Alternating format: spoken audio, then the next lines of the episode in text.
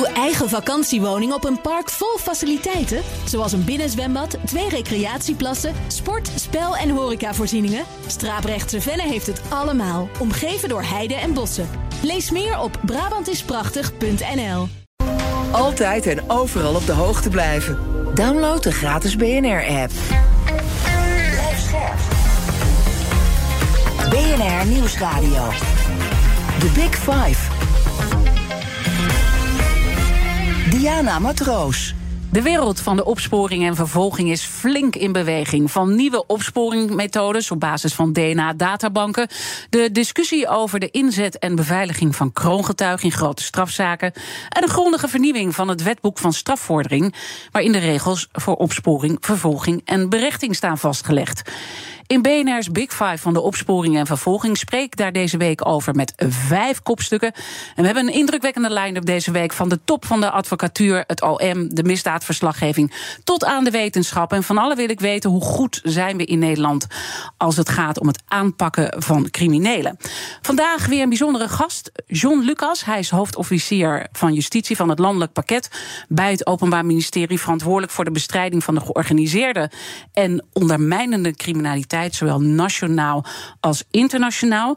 John, welkom, fijn dat je er bent. Dankjewel voor de uitnodiging. We hebben afgesproken ook om uh, te tutoyeren. En zometeen ga ik natuurlijk uitgebreid ook met je praten over alle nieuwe opsporingsmethoden die jullie gebruiken om uh, nou ja, de boeven altijd een, een, heel aantal stappen voor te blijven. Maar voordat ik dat ga doen, wil ik aan je vragen: wat, wat drijft jou om dit werk te doen? Wat drijft mij om dit werk? Je doet het al ongelooflijk lang, hè? Ja, ik doe het al heel lang. Ja, dat is, dat is, um, mij drijft eigenlijk altijd de overtuiging dat we moeten bijdragen aan een goede en een rechtvaardige samenleving. En dat uh, dingen die niet goed gaan bestraft moeten worden. Criminelen bestraft moeten worden voor wat ze doen. En dat we daarmee ook een samenleving houden die we kunnen doorgeven aan degenen die na ons komen, die nog steeds rechtvaardig en uh, betrouwbaar is op alle plekken. Dus bestrijding van, van, bestrijding van corruptie mm -hmm. tot en met de gewone uh, diefstallen, alles. Ja, ja. En, en jouw portefeuille is ook ongelooflijk uh, breed. Hè? Want ik zei georganiseerde en ondermijnende criminaliteit, zowel nationaal ja. als internationaal. Maar dan moet je dus ook denken aan mensenhandel, terrorisme, witwassen van misdaadgeld, internationale oorlogsmisdrijven, kinderporno, kinderseks, toerisme en cybercrime. Nou, misschien dat ik er nog een paar ben vergeten. ja, het klinkt heel veel, hè? Het, het klinkt heel veel. Veel. Nou, ja. misschien is het wel goed dat ik het even toelicht. Want uh, het landelijk pakket is een pakket wat ingericht is voor de zwaar georganiseerde criminaliteit. En met name ook veel internationaal werken. Dat betekent niet dat zij alles doen. Hè. Er zit op de uh, arrondissementspakketten, dat zijn de pakketten die in de regio zijn. Er zijn er tien van. Daar gebeurt ook veel. Daar wordt ook gewerkt aan de, de aanpak van zware criminaliteit. Maar heel veel van deze trajecten die, u, uh, die je hier bespreekt. Ik moet nog even wijnen aan, aan, het, aan het je. Ja. die, die, die we hier bespreken, die zijn wel over het algemeen heel erg internationaal georganiseerd. Iets als kindersektorisme, dat zijn, gaan allemaal zaken die heel veel digitaal zijn. En vervolgens ook nog een keer uh, linken hebben naar andere landen waarmee samengewerkt moet worden. Dat ver, vergt heel veel deskundigheid. High-tech crime, en met name in het hele bovendeel, vergt heel veel deskundigheid. Mhm. Mm -hmm. En sommige onderwerpen zijn gewoon ook neergelegd bij het landelijk pakket, omdat ze daar gewoon als enige voor zijn toegerust. Iets als CETER, iets, dat betekent contraterrorisme, terrorismezaken en terreurzaken. Dat zijn zaken die niet extreem veel voorkomen, maar als het gebeurt, moet iedereen er meteen klaar voor staan. Ja. Dus dat kun je het beste georganiseerd hebben op een plek waar het uh, landelijk, landelijk is He? en gecentraliseerd wordt aangepakt. Ja, ja. helder. En, ja. en, en, en, jullie zitten dus onder uh, het, uh, het, het, college van procureurs-generaal. Daar zit ja. jij eigenlijk onder. Dus dan zien mensen in het organogram ook een beetje voor zich waar je in het Openbaar Ministerie staat. Maar ik sta naast mijn collega's van de arrondissementspakketten. Wij zijn nevengeschikte ja. pakketten met een andere taakinvulling. Anders krijg ik ruzie met mijn collega's. Ja, ja, ja, ja, precies. Wat is nou het allermoeilijkste in jouw baan? Want, want jullie doen zowel opsporing en vervolging. Ja. Uh, in deze tijd, wat vind je het allermoeilijkste? Nou, wat het allermoeilijkste is, is dat we natuurlijk in toenemende mate meer zicht krijgen erop. Hè. Ik hoorde Paul Vugs gisteren ook zeggen van... jullie hebben langzamerhand een 8,5 of een 8 en een kwart voor, uh, voor de opsporing. En dat heeft natuurlijk te maken met het ontsleutelen van al die cryptodata. En wat je ziet is dat we nou een zee aan informatie hebben, een echt een zee waarvan sommige stukken van de zee we nog niet precies weten wat het is. En dat maakt het voor ons ook heel ingewikkeld. Want we zien soms wel dat er iets gebeurt, maar weten niet wat. Mm -hmm. Dus het is het kiezen van de goede zaken en uiteindelijk ook proberen te elimineren van uh, grote netwerken die samenwerken. Want voorheen was het zo dat je dus iemand eruit haalde en dan ging de volgende door, omdat het verdienmodel zo groot was. Hè?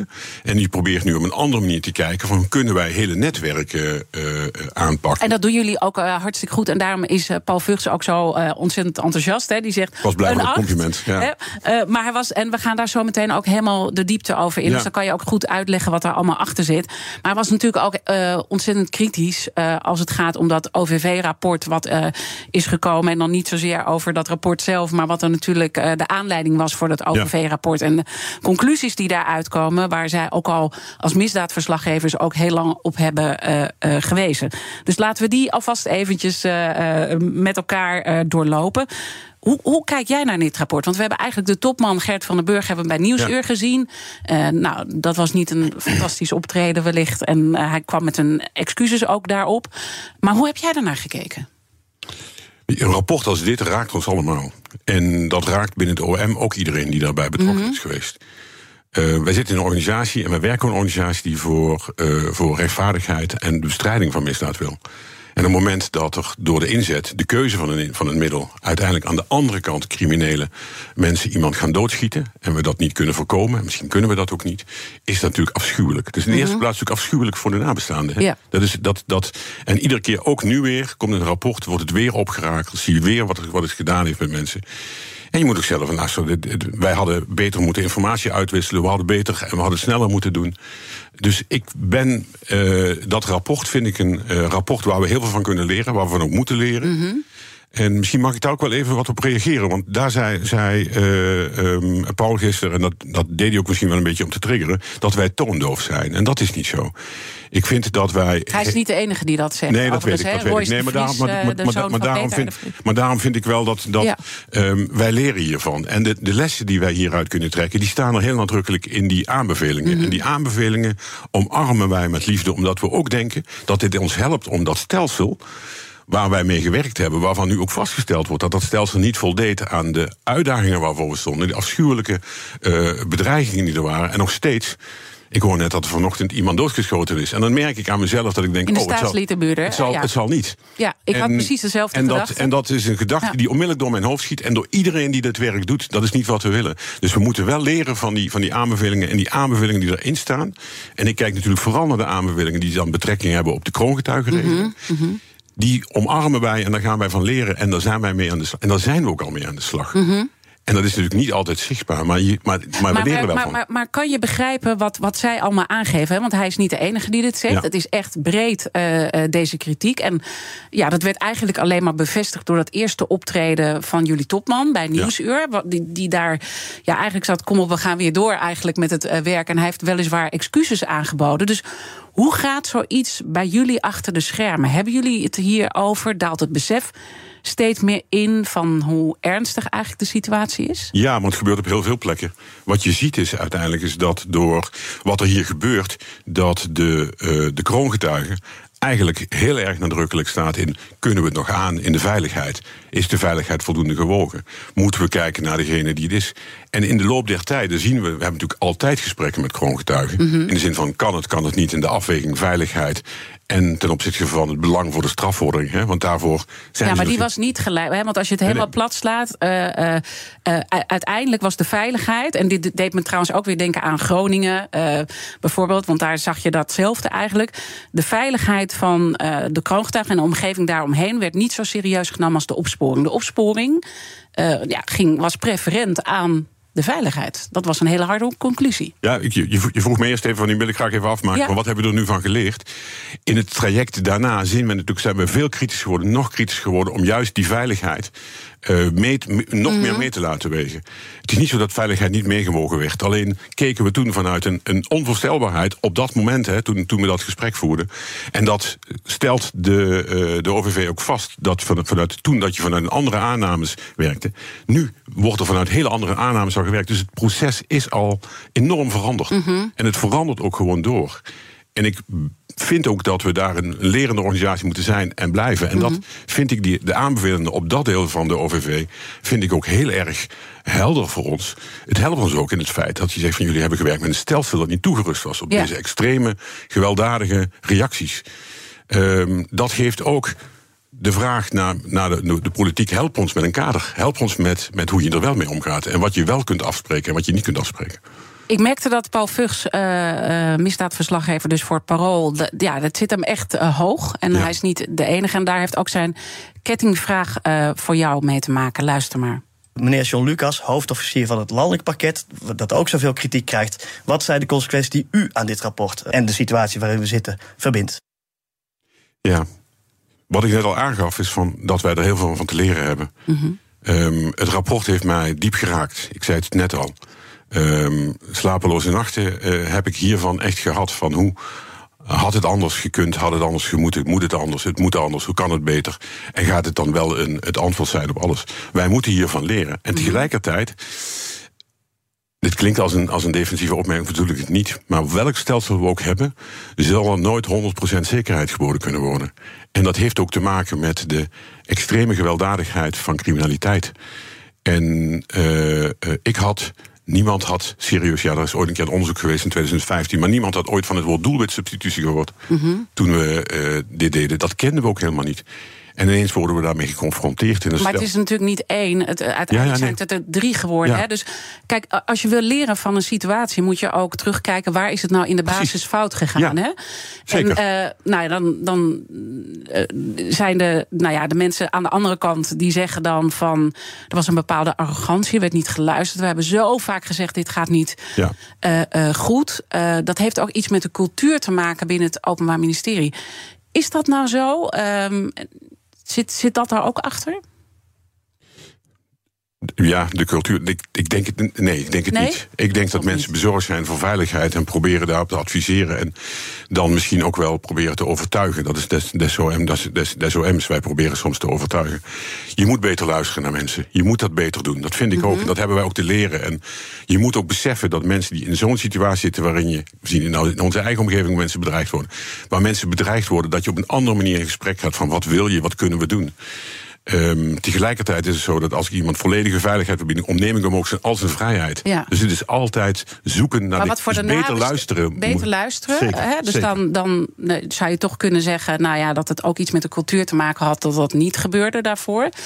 Maar, maar ook iets als sorry zeggen. Waar is het sorry? Dat, dat, dat, dat merk je aan zowel de misdaadverslaggevers als de nabestaanden. Die hebben echt tegen een muur gelopen. Vergelijk het met de toeslagenaffaire. Vergelijk het met Groningen. Kloppen op die deur. Gebeurt niks.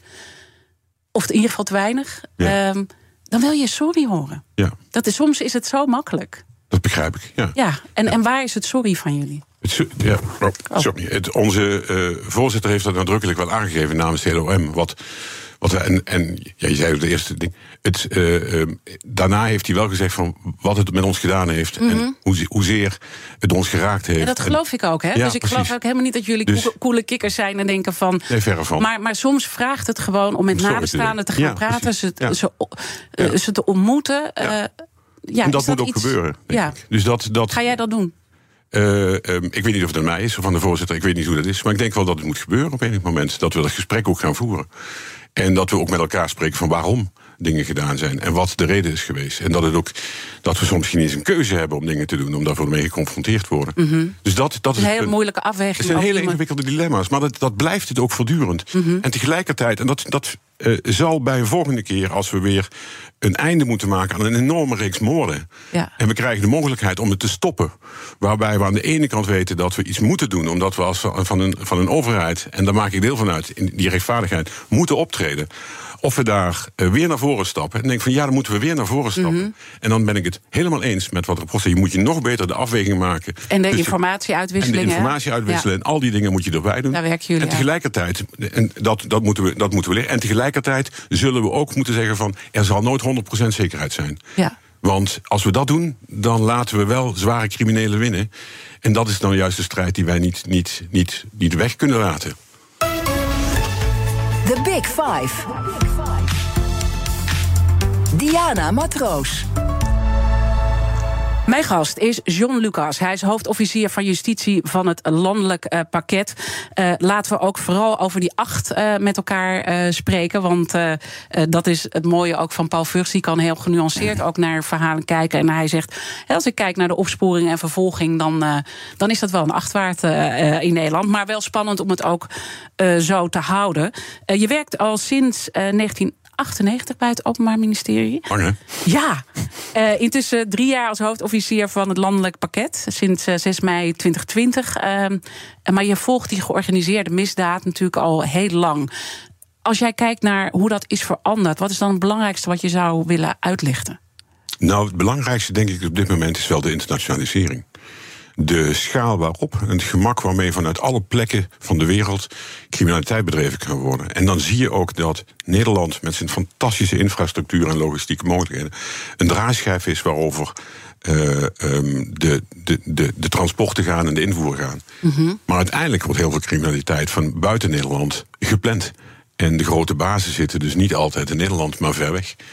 Uh, dat is ook iets wat wij natuurlijk wel zien in die, in, die, in die criminaliteit die verandert. Dus die internationalisering is enorm. Vroeger gingen mensen gewoon met elkaar wandelen in het Amsterdamse bos. Ja, we kennen de beelden al, allemaal hè, met Holleder. Ja. En dat, dat, was op een andere manier, dat was klein. Dat was ook, ook niet goed en heel, heel erg. Maar nu is het gewoon dat de middelen die men heeft om buiten beeld te blijven... Mm -hmm. en de mhm. geschakeldheid en de enorme bedragen die ermee verdiend worden... die zijn zo groot dat je, de communicatie is cruciaal geworden... om de bestrijding aan te kunnen pakken.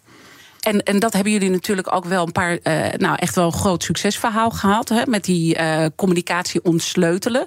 Misschien goed om dat nog even uit te leggen. Nou, wat, wat we gezien hebben is op een gegeven moment dat uh, criminelen gebruik maken van afgeschermde communicatiemiddelen. Mm -hmm. En die betalen echt honderden euro's per maand om een veilige communicatie te hebben. Nou, als je dan weet dat alleen die gebruikt worden om die reden, en waarom geen WhatsApp, hè, maar dat, dat echt blijkt dat het door zijn er pogingen gedaan, en dat doet high-tech crime ook, en andere landen, andere landen doen dat ook. Zijn we erin geslaagd om te ontsleutelen wat die, uh, die, die, die berichten waren? En dat heeft ons wel verbijsterd. Ja. Verbijsterd. Ja, want wat is, wat is de grootste verbijstering die jullie Nou, de verbijstering is dat de enorme uitge, uitgestrektheid, mm -hmm. de enorme hoeveelheid zaken die er zijn. En we hebben dus als het ware nou een soort wereldkaart gecreëerd. Waarop wij niet weten soms wie het is, soms wel. Maar dat je wel ziet van hoe makkelijk moorden afgesproken worden, kilo's geregeld worden, geld heen en weer bewogen wordt. Het gemak waarmee dat gebeurt via die, die, die communicatie. Dus we hebben nou een, middeleeuwse wereldkaart, zou ik maar zeggen. Ja. We weten dat een aantal dingen die zijn in beeld, maar er zijn nog heel veel terra incognita, waarin we wel het systeem zien, waarin we ook zien welke mensen werken. Mm -hmm. En het helpt ons bij de zicht op het systeem. Dus het helpt ons ook enorm vooruit in de manier van aanpak. En, en zou je kunnen uh, schetsen uh, met wat voorbeelden van hoe die handel dan gaat binnen dat netwerk? Want dat is echt wezenlijk anders dan het vroeger ging. Hè? Ik bedoel, wij hebben misschien nog allemaal het beeld, ja, u heeft van, het beeld van, van, van, het koffertje. De, de, de, man die met het geld komt. En, exact, dat ja, zien we ook nog steeds dat, in de maar film. Maar dat werkt al helemaal niet meer zo. Want nee. geld beweegt niet meer automatisch. Geld gaat gewoon via andere manieren, wordt het over de, de wereld verdeeld. Geld hoeft niet eens te bewegen, want het wordt via brokers en via underground banking wordt het gewoon afgesproken ze hier met geld gesjouwd te worden. En tegelijkertijd worden er gewoon dingen verrekend. Wat je ziet wel is dat er op andere, laat ik zeggen, de bedrijfskosten, die zie je wel nog komen. En dat, dat, dat zijn zaken waarop je, die, die voor ons in beeld komen. Mm -hmm. En die die ons ook helpen om structuren te zien van wie, wie wat is. Ja, en, en dan wordt er bijvoorbeeld, uh, als er dan uh, uh, de kook, die wordt dan geruild voor bijvoorbeeld kleding, heb ik het zo goed? Het kan, het kan alles zijn. Dus, het, het, het, kan, het kun, kunnen gaat niet zijn. met geld, maar... Het, hoeft, het, kan kleding zijn, het kan, het kan van alles zijn. Dus dat maakt, dat maakt op zich niet zoveel uit. Dus er gebeuren ook witwassingen en daar zie je dan en het is niet zozeer in Nederland, maar in, op, op wereldschaal, zie je wel geld uh, verschuiven. Ja. En uh, dat, dat is voor ons ook wel uh, op dit moment een van de manieren om te denken van als er zoveel geld verdiend wordt, dan moet je dat ook gaan het systeem gaan verstoren. En daar wordt natuurlijk ook aan gewerkt. Ja, en, en, en hoe kunnen jullie dat het beste verstoren? Ja, dat is een ingewikkelde vraag. Ja. Daar zijn we over nadenken. Ja. En in alle oprechtheid, als ik het nu zou weten, weet ik niet of ik het zou vertellen. Nee. Want ik zou het eerst willen doen natuurlijk. Hè. Dat snap ik. Um, maar dit zijn echt, echt manieren van, van aanpak waarin je denkt van je moet op diverse lagen proberen systemen te verstoren. En je ziet dat er draaipunten zijn waarover geld gaat. En die moet je proberen te vinden. Ja. En dat, dat is wel wat, wat, wij, wat wij onderzoeken. En die internationalisering maakt het ook wel ingewikkeld, omdat ik ook moet samenwerken met landen ver weg. En dat betekent dat ik rechtshulp moet, moet, moet doen. Moet Ja. weer vertrouwen opbouwen. Eh, delen van informatie heeft ook altijd, dat, waar we net over hadden, heeft altijd ook een risico. Dat het land bij mensen die het niet mogen weten, waardoor ook risico's ontstaan. Mhm. Dus het is voor ons altijd heel ingewikkeld. Een dilemma, deel ik informatie, deel ik het niet. Ik heb het wel nodig om in een land te kunnen samenwerken. Dus ik ga het ook wel nou ja, doen. we hebben het gezien in Dubai, hè, natuurlijk met Taghi. Ja. Daar heb je natuurlijk wel echt ook een eh, uitwisseling. Want ze zitten inderdaad overal. eh, en laten we vooral niet alleen Taghi benoemen. Want Nee, er zijn er nog veel meer. En hij is overigens nog steeds verdachte. Ja. ook goed om, om te zeggen eh, hier met jou eh, naast me. Maar eh, oké, dus je ziet echt dat het een, een, een netwerk is. En zijn er dan, want vroeger zag je natuurlijk ook allemaal notarissen en dat het in vastgoed ging en dat er bankiers bij waren betrokken. Is dat er helemaal uit eigenlijk het- in dat nieuwe systeem? Het zal altijd ook neerslaan in Nederland. Maar ehm, toch is dat niet vanzelfsprekend en we zien dat ook niet automatisch. Eh, daar gaan we natuurlijk wel goed op kijken, omdat de integriteit van onze samenleving, notarissen en anderen, eh, moeten we natuurlijk ook goed in de gaten houden.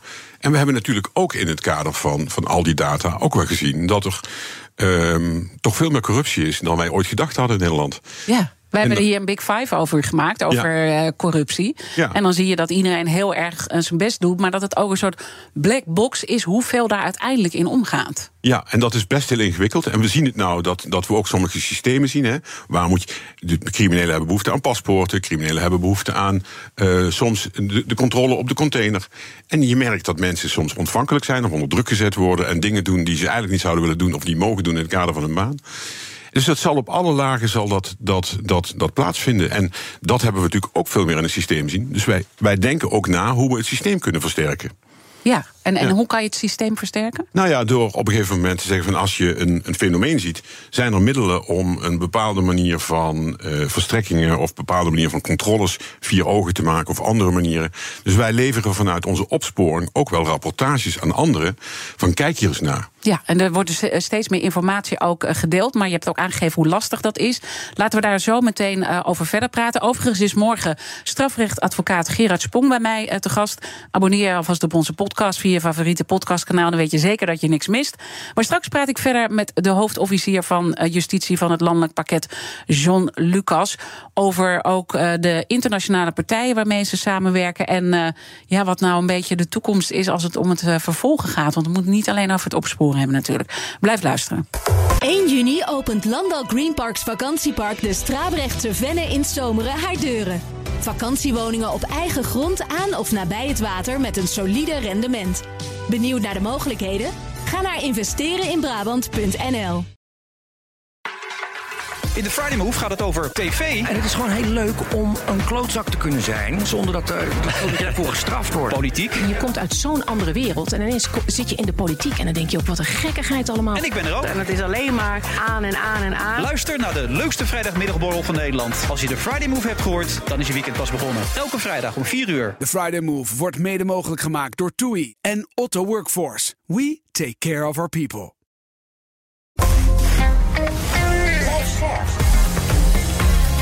BNR Nieuwsradio. The Big Five. Diana Matroos. Welkom bij het tweede half uur. Deze week praat ik met vijf kopstukken uit de wereld van de opsporing en de vervolging. Eerder deze week sprak ik al met misdaadverslaggever Paul Vugst over de wereld van de georganiseerde misdaad. Het gesprek is uitgebreid terug te luisteren via onze BNR-app. Mijn gast vandaag is John Lucas, hoofdofficier van justitie van het landelijk pakket bij het Openbaar Ministerie. En het komend half uur wil ik in ieder geval nog twee onderwerpen met je bespreken, namelijk het eh, vervolgen van opgespoorde criminelen, want jullie Ja. doen opsporing en eh, vervolging. En ook eh, de aanpak die jullie steeds aan het vernieuwen zijn. Ook in internationale samenwerking, maar ook met nieuwe eh, methoden om de boeven altijd een, een stapje voor te blijven. Wat natuurlijk ook een, een kat-en-muisspel Ja. is. Want Boeven heeft altijd nog wel een beetje romantische naam. Hè? Ja. En het zijn gewoon harde criminelen die wij vervolgen hoor. Dus het is. Boeven laten we stoppen met dat boeven. Ja, ik zou het prima vinden om het gewoon criminelen te noemen. Want dat zijn het, die on, on- genadeloos eh, optreden om hun bedrijfsproces te volgen. Dus ik, ik snap het. En Ja. het is, maar dat, dat maakt het altijd iets liever dan het eigenlijk is. Ja, nee, Ja. heel goed dat je dat, eh, die nuancering Ja. eh, aanbrengt. En eigenlijk wat je ook hebt geschetst, is dat het een, een internationaal opererend concern is. Dat het dus echt andere koek is dan jaren geleden. Ja, dat klopt. Weet je, je ziet nu uh, criminele samenwerksverbanden, zoals we ze dan noemen in een vakterm, maar gewoon uh, criminelen, die hebben een aparte club die bij wijze van spreken auto's regelt, of een aparte club die zorgt voor wapens. En dat is allemaal als een soort bedrijfsproces georganiseerd. En het wordt ergens anders aangestuurd. Het is een manier die uh, nieuw is. Uh, heel professioneel is, werkt omdat er heel veel geld verdiend wordt en omdat er heel makkelijk digitaal kan worden aangestuurd. Je hoeft elkaar niet eens te zien. En communiceren mensen met elkaar die niet weten van elkaar wie ze zijn. Um, en dat maakt het wel ook heel moeilijk te zien en te overzien. En het gebeurt op heel veel andere plekken. Ja, en dat lijkt ja. me ook heel moeilijk met überhaupt de capaciteitsproblemen die jullie uh, ook hebben. Dat is ongeveer overal natuurlijk een probleem, maar ook bij jullie natuurlijk. Ja, wij moeten keuzes maken. En tegelijkertijd hebben we ook de taak om uh, zaken waar een zomaar heel veel excessief geweld is, om altijd op te pakken. Ja. Dat is niet acceptabel in een samenleving. Want je hebt deze week ook kunnen zien. Het kan niet dat wij nog meer mensen gaan beveiligen en nog meer mensen gaan beveiligen. En dat maakt een. Hier in Amsterdam voor het gemeentehuis staat. Het doel van de staat is vrijheid, hè, van, van Spinoza. Vrijheid is ook een heel belangrijk punt. Dus je moet opsporen om criminelen te vinden en af te straffen. En tegelijkertijd proberen uh, ruimte te geven aan mensen om gewoon zoveel mogelijk hun eigen leven te leiden. Ja. En dat zijn moeilijke afwegingen die jullie natuurlijk uh, moeten maken. Als je dan kijkt nu uh, naar de aanpak, je hebt net al wat nieuwe methodes uh, geschetst. Maar hoe moeilijk is het voor jullie om ze een stap voor te blijven? Want ze zijn zo geraffineerd, zo slim. Het zijn dus echt gewoon serieuze bedrijven met gewoon een topstructuur en misschien zelfs wel een klantenservice. Ja, dat, ja. dat, laatste weet ik niet. Ik las vanmorgen dat je tegenwoordig per app gewoon drugs kunt bestellen. Dus het begint ook altijd gewoon met mensen gebruiken het. Hè? Dus dat is, dat, ja. is, dat, dat, is, dat is de basis van het product. Dat geldt ook voor Shell en andere bedrijven. Wat zou je tegen al die mensen willen zeggen? Nou, wel het besef dat je deel uitmaakt van een uh, proces waar genadeloos wordt opgetreden om het bedrijfsmodel in, in, intact te houden. En ik weet, uh, Sprong zal morgen zeggen van nou, maak het maar gewoon, uh, geef het ja. maar vrij. Ja. Dat is niet, niet, niet haalbaar, hè? Dat, dat snap ik. Maar dat hij dat zegt, maar het is gewoon simpelweg niet haalbaar in een wereld, wereldcontext. Maar wees je er bewust van dat het gemak waarmee pillen genomen worden of een, of een lijn getrokken wordt, um, dat heeft allemaal, daar zit altijd bloed aan. Ja. En die zien wij hier, daar hebben we in het rapport over gesproken. We zien het op andere, de 16 moorden die eraan vooraf gingen. Waar we het over gesproken hebben. Er zit bloed aan dit model. Ja. En dat maakt dat ik daar wat zou, zou, wat, uh, ook voor zou willen waarschuwen en een oproep willen doen. Mhm. En je ziet in onze aanpak ook, want onze aanpak is niet alleen maar de bovenkant aanpakken, maar juist ook investeren op die jonge aanwas. Die op een of andere manier nog het romantische idee hebben dat ze kunnen groeien en rijk, rijk worden in, in dit model. Die geloven nog in het boevenidee, maar het zijn gewoon criminelen. Want... Ja, en ze beginnen met een klein stapje. Dat schetste ja. gisteren Paul Vugts, die zich heel erg zorgen maakt ja. over die jonge jongens. Het begint met een klein stapje. Ja. En voordat je het weet, zit je er helemaal in. Ja, uh, dan kom je er nooit meer uit. Wat, wat kunnen jullie daar dan aan doen? Want nou ja, dat is zeggen, niet dit is, jullie taak. dit, is niet onze taak, hè? Nee. maar het is wel, wel een taak van, van een samenleving om te zorgen dat mensen kansen krijgen, mensen uh, opgeleid worden, mensen gewezen worden op de gevaren. En de naïviteit waarmee sommige mensen denken van 500 euro. Mhm. Mm -hmm. uh, en daarna zit ik erin. Dat is echt een taak die iedere schoolonderwijzer en iedereen moet, moet op zich moet nemen om hier voortdurend op te wijzen. En wij zijn, op, op, we hadden het er net over, wij zitten alleen maar in het topsegment.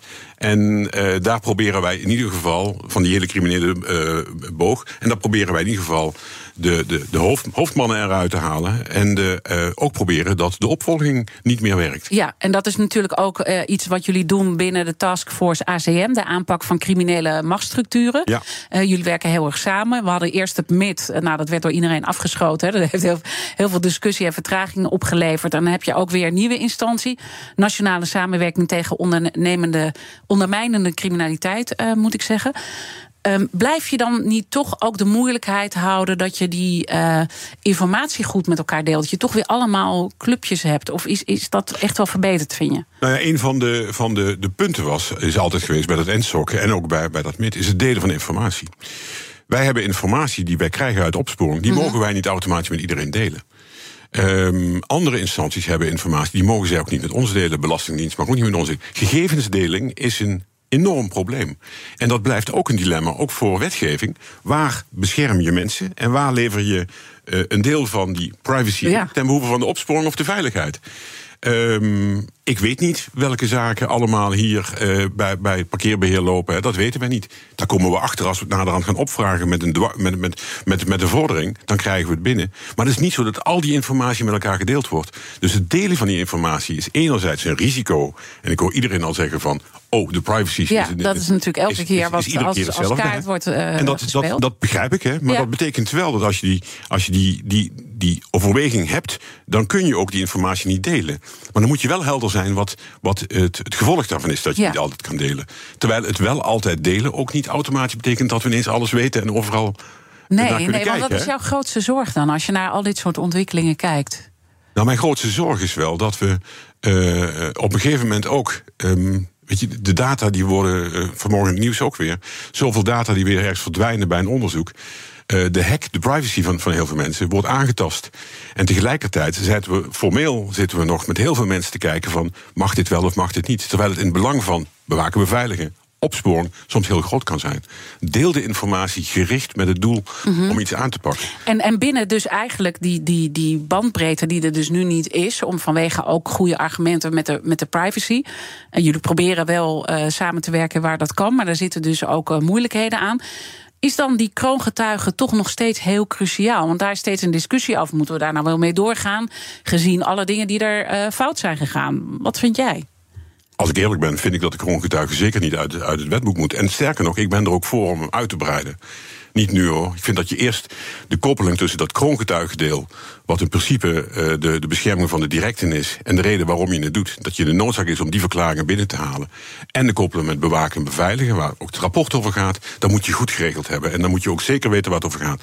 Maar een kroongetuige blijft op dit moment en voor de komende jaren cruciaal om in een aantal gevallen te kunnen komen tot opsporing en vervolging van, eh, van, van zware strafbare feiten.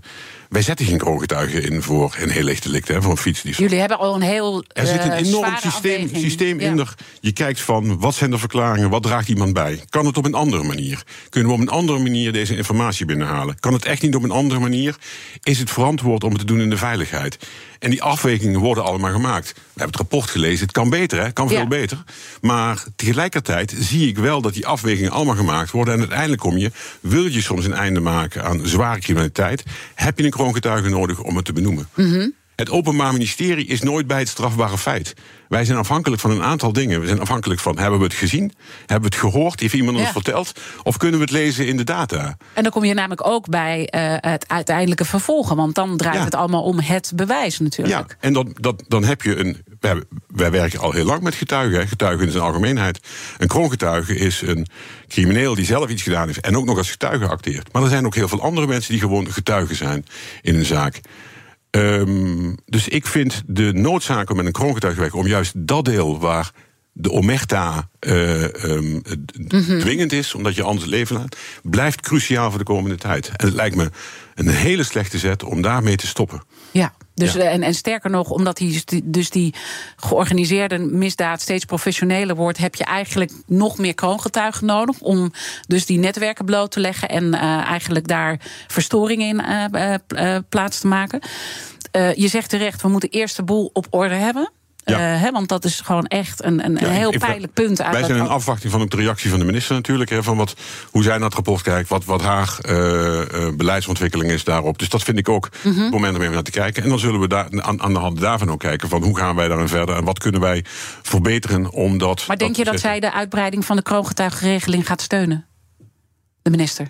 Dat weet ik niet. In een eerdere Nee. brief heeft ze er wel voor gepleit. En ik, ik kan me voorstellen dat ze nu ook zal zeggen van luister, we moeten het eerst de huidige regeling re- regelen en dan gaan we verder. Dus Ja. dat weet ik niet. Maar En wat moet er op- nou gebeuren om, eh, want om toch nog even te schetsen, hè, eh, als zo'n kroongetuige binnenkomt dan eh, bij het landelijk pakket, bij, bij jullie, bij jou en, en jouw mensen, gaat het erom van hoe beschermen we deze kroongetuigen? Hè? Daar ben je dan mee bezig. Ja. En er is iemand anders eigenlijk die verantwoordelijk is voor de omgeving eromheen. Hè? Dus dat, dat Ja. ging niet eh, Nou ja, gelijk op. misschien- en daar, misschien is dat- ja, misschien goed om uit te leggen. even-. Er komt iemand binnen en die zegt van... ehm, ik wil graag mijn verhaal vertellen, maar ik word bedreigd als ik naar buiten ga... dan ben ik mijn leven niet zeker. Dan worden gesprekken gevoerd en iemand wordt dan op een gegeven moment wordt kroongetuige. En daar worden, uh, wordt gehoord van wat, wat heeft u nou te vertellen. En eigenlijk in die hele periode gebeurt er niets. Want niemand anders weet dat. Alleen maar één, één of twee mensen weten van wat iemand vertelt. Dat wordt kluisverklaringen. En als iemand zegt van nou, dit zijn verklaringen. Die, zijn, die, dragen bij aan, uh, die dragen bij aan het oplossen van zeer zware criminaliteit. Dan kun je zeggen van hier kunnen we gaan kijken of wij naar een kroongetuigentraject kunnen ja. gaan. Dan komt, vervolgens komt iemand zeggen van kan dat wel. Want kan, kan deze kroongetuige dat aan, kunnen families dat aan, kunnen uh, de omgeving dat aan. De kroongetuigenregeling geldt eigenlijk voor de kroongetuige zelf en zijn directe omgeving. Mm -hmm. En daarnaast zit het stelsel bewaken en beveiligen.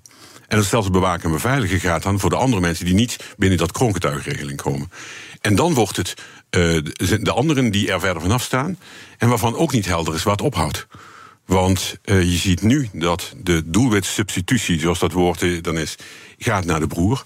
Maar uh, als dat beveiligd is, dan gaat het misschien nog verder.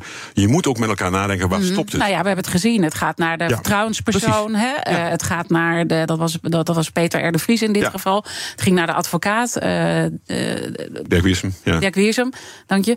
dus, dus ja, die, die stappen. En dat kan natuurlijk steeds verder gaan. Maar hoe kan je dan het zo verbeteren? Want je zegt, we moeten eerst dit, dit op orde hebben. Dat deze fout, hè, want deze drie doden mogen we nooit uh, vergeten. En moeten nee. we enorm van leren. Hoe kan je het nou verbeteren? Wat, waar zitten jullie aan te denken dan? Nou ja, waar, waar je te denken is om die afweging nog scherper te maken. Om te kijken van welke mensen, om nog kritischer te zijn of we wel met een kroongetuige gaan werken. En ik, uh, ik kan je zeggen dat wij de afgelopen jaren al veel kritischer geworden zijn. En veel eerder denken van ja, dit is. Dus dat je toch misschien iemand laat gaan en denken van dan maar We doen niet. het niet, omdat de veiligheidscomponent we niet kunnen waarborgen of dat de kroongetuige niet aan kan. Dus die afweging wordt al steeds zwaarder en steeds zwaarder. Maar het is natuurlijk niet alleen die, die in dat hele opsporingstraject is die kroongetuige een deel, het zwaarste mm -hmm. deel. Hè. Mm -hmm. We hebben het er terecht over. Maar daaronder zitten natuurlijk heel veel andere zaken. Daar zitten ook de gewone getuigen in, cryptodata, de technische middelen. Jullie spraken het begin van de week over van wat je ziet. Dan werken wij niet zoveel met DNA, maar in heel veel opsporing wel. Mm -hmm. Dus je ziet dat we alle middelen die ons ter beschikking staan in moeten zetten om dit te bestrijden. En dat is continu een afweging uh, maken. En die is dus eigenlijk gewoon heel moeilijk. Dat is wat je uh, zegt. En we moeten ook niet denken dat we risico's kunnen uitsluiten. Want dat... Nee, dat kan niet. Ja. Nee. Maar, dat, maar, maar, maar, maar, maar we doen het op alle vlakken. Ja. ja. 1 juni opent Landal Greenparks vakantiepark de Strabrechtse Venne in Zomeren haar deuren. Vakantiewoningen op eigen grond aan of nabij het water met een solide rendement. Benieuwd naar de mogelijkheden? Ga naar investereninbrabant.nl. We zijn altijd maar onderweg. Altijd in voor een alternatieve route. En altijd zo snel en het liefst ook zo duurzaam mogelijk. BNR Mobility. Altijd op maandag om half twee. Met Meijner Schut. En natuurlijk altijd met Nout Broekhoff. Oh ja, en je kunt het ook altijd terugluisteren in je favoriete podcast-app. Abonneren maar. Altijd doen. BNR Mobility wordt mede mogelijk gemaakt door ALD Automotive en Leaseplan. BNR Nieuwsradio. The Big Five. Diana Matroos. Je luistert naar BNR's Big Five van de opsporing en vervolging. Morgen dan zal ik de week afsluiten met strafrechtadvocaat Gerard Spong. Uh, en uh, natuurlijk uh, vindt hij ook het een en ander van de kroongetuigenregeling. En je noemde ook al even een punt, legalisering van drugs. Daar ga ik er zeker ook met, met hem over hebben, over harddrugs. Um, maar de kettingvraag gaat natuurlijk door. En aan jou de eer, John Lucas, hoofdofficier van justitie van het Landelijk Pakket, om hem een vraag te stellen. Ja, dankjewel. Ja, dat is best ingewikkeld. Het de nestor van de Nederlandse, recht, van de Nederlandse advocatuur die je dan een vraag wil stellen. Maar ik heb toch, toch een nagedacht van wat ik hem zou kunnen doen. En de reden daarvan ligt in het, uh, in het verschijnen van een stuk van Fokker Jensma in januari. Dit stuk. En dat gaat over de ondermijning van de advocatuur zelf. En toen dacht ik van, ik moet hem toch stellen aan, uh, uh, aan Gerard. Um, Vind jij, Gerard, dat de advocatuur voldoende in zichzelf investeert? En met name in de jonge advocaten die, uh, die er werken, om voldoende weerbaar te zijn tegen de druk of de verleiding van de zware criminaliteit? Um, of ze dingen doen die. Uh, of ze daarop goed op de weerbaarheid getoetst worden? Dat vind ik wel een vraag die ik aan hem ter, ter overweging en ter beschouwing zou willen meegeven. Mooie vraag. En uh, als je het ook vanuit dat internationale concern eigenlijk bekijkt. Ik bedoel, we weten ook dat uh, de criminelen intussen zelf mensen opleiden. Hè? Dus dat er ook gewoon heel veel advocaten met. Uh, met een verkeerde achtergrond rondlopen. En tegelijkertijd is het cruciaal dat we in een, in een rechtssysteem. Ja. Want ik hoorde je straks zeggen, de crime fighters. We zijn magistraten hè? en wij hebben behoefte om de waarheid te vinden. En ook de waarheid te presenteren. We zitten niet voor niks op dat podium. Ehm, maar dat wij eh, in, een, in, dat, in dat spel, dat proces, dat wij daar met elkaar evenrichtig en evenre- evenredig met elkaar kunnen spreken. Dus ik ben ook geïnteresseerd in een goede, scherpe advocatuur. Ook omdat ik wel wil leren van de dingen die, ik niet goed doe. En uiteindelijk de rechter moet oordelen. Dus Ja. iedereen in dat belang is die advocatuur een cruciale Ja, want speler. dan kom je eigenlijk ook op het punt van de vervolging. Ja, en dan wil je eigenlijk een soort zuiver mogelijk eh, systeem hebben natuurlijk. Ja, en dat, want wat ik zeggen. Ik vind dat de verhoudingen tussen OM en advocatuur best af en toe heel scherp staan. En ik merk dat als het over het persoonlijke gaat, vind ik dat onacceptabel. Dat, dat vind ik niet goed. Aan beide kanten niet als dat zou gebeuren. Maar ik vind op de inhoud mag je best stevig met elkaar een robbertje vechten. Dat Mhm. maakt het eh, uiteindelijke beslissingen voor de rechter scherper en beter als alle argumenten. En onze rechtsstaat natuurlijk. En onze rechtsstaat echt- natuurlijk Daar ook. gaat het Ja, uiteindelijk om. Ja. Dus eh, niemand van ons zit te wachten op een onterechte Ja. veroordeling. Ja. We hebben het eigenlijk veel over opsporing eh, gehad. En dit is, raakt dan aan het punt ook van het vervolg. En je noemde al, het bewijs is heel erg cruciaal in een zaak. Nou, was er ook een bericht, eh, 17 maart, dat de ministerraad akkoord is gegaan met het wetsvoorstel voor een nieuw wetboek van strafvordering. Eh, dat is eh, minister Frank Weerwind van Rechtsbescherming en eh, de minister van Justitie. Dylan Jezilgus hebben dat eh, naar buiten gebracht. En daar staan regels voor eh, politie, openbaar ministerie, rechters en advocaten. Allemaal rond het eh, strafproces. Dus het gaat over opsporing, vervolging en berechting. Eh, en het heeft eigenlijk weinig aandacht gehad. En misschien ook nou, bij ons wat korter. Maar eh, hoe belangrijk is dit voor jullie eh, werk? Want het huidige wetboek is bijna 100 jaar oud. Ja, 1926 is het begonnen. En daarna Ja. zijn er heel veel aanpassingswetten geweest op dat, op dat wetboek van strafvordering. En je ziet dat het wetboek ook niet meer toegerust is voor de, voor de moderne ontwikkeling. Toen het, eh, het wetboek geschreven werd, was DNA nog onbekend. Je sprak met, eh met Aten volgens mij dat Ja, in zeker. 1980 waren er Boegbeeld bloed- van het bloed- DNA. bloedgroepen. Zeker. En daarna is het DNA ontstaan. Dus in heel veel ontwikkelingen, technische onderzoeken, het, eh, het binnendringen in telefoons, het afluisteren van eh, eh, andere gesprekken. Dat zijn allemaal reparatiewetgeving die nodig is en die moeten allemaal bij elkaar Mhm. gezet worden. In essentie zullen er heel veel opsporingsbevoegdheden gewoon blijven. Alleen worden ze gemoderniseerd, alleen worden ze aangepast aan de tijd. Dus het heeft op zich, ik snap dat het, dat de, het gaat naar de Kamer, dat wordt een ingewikkeld proces.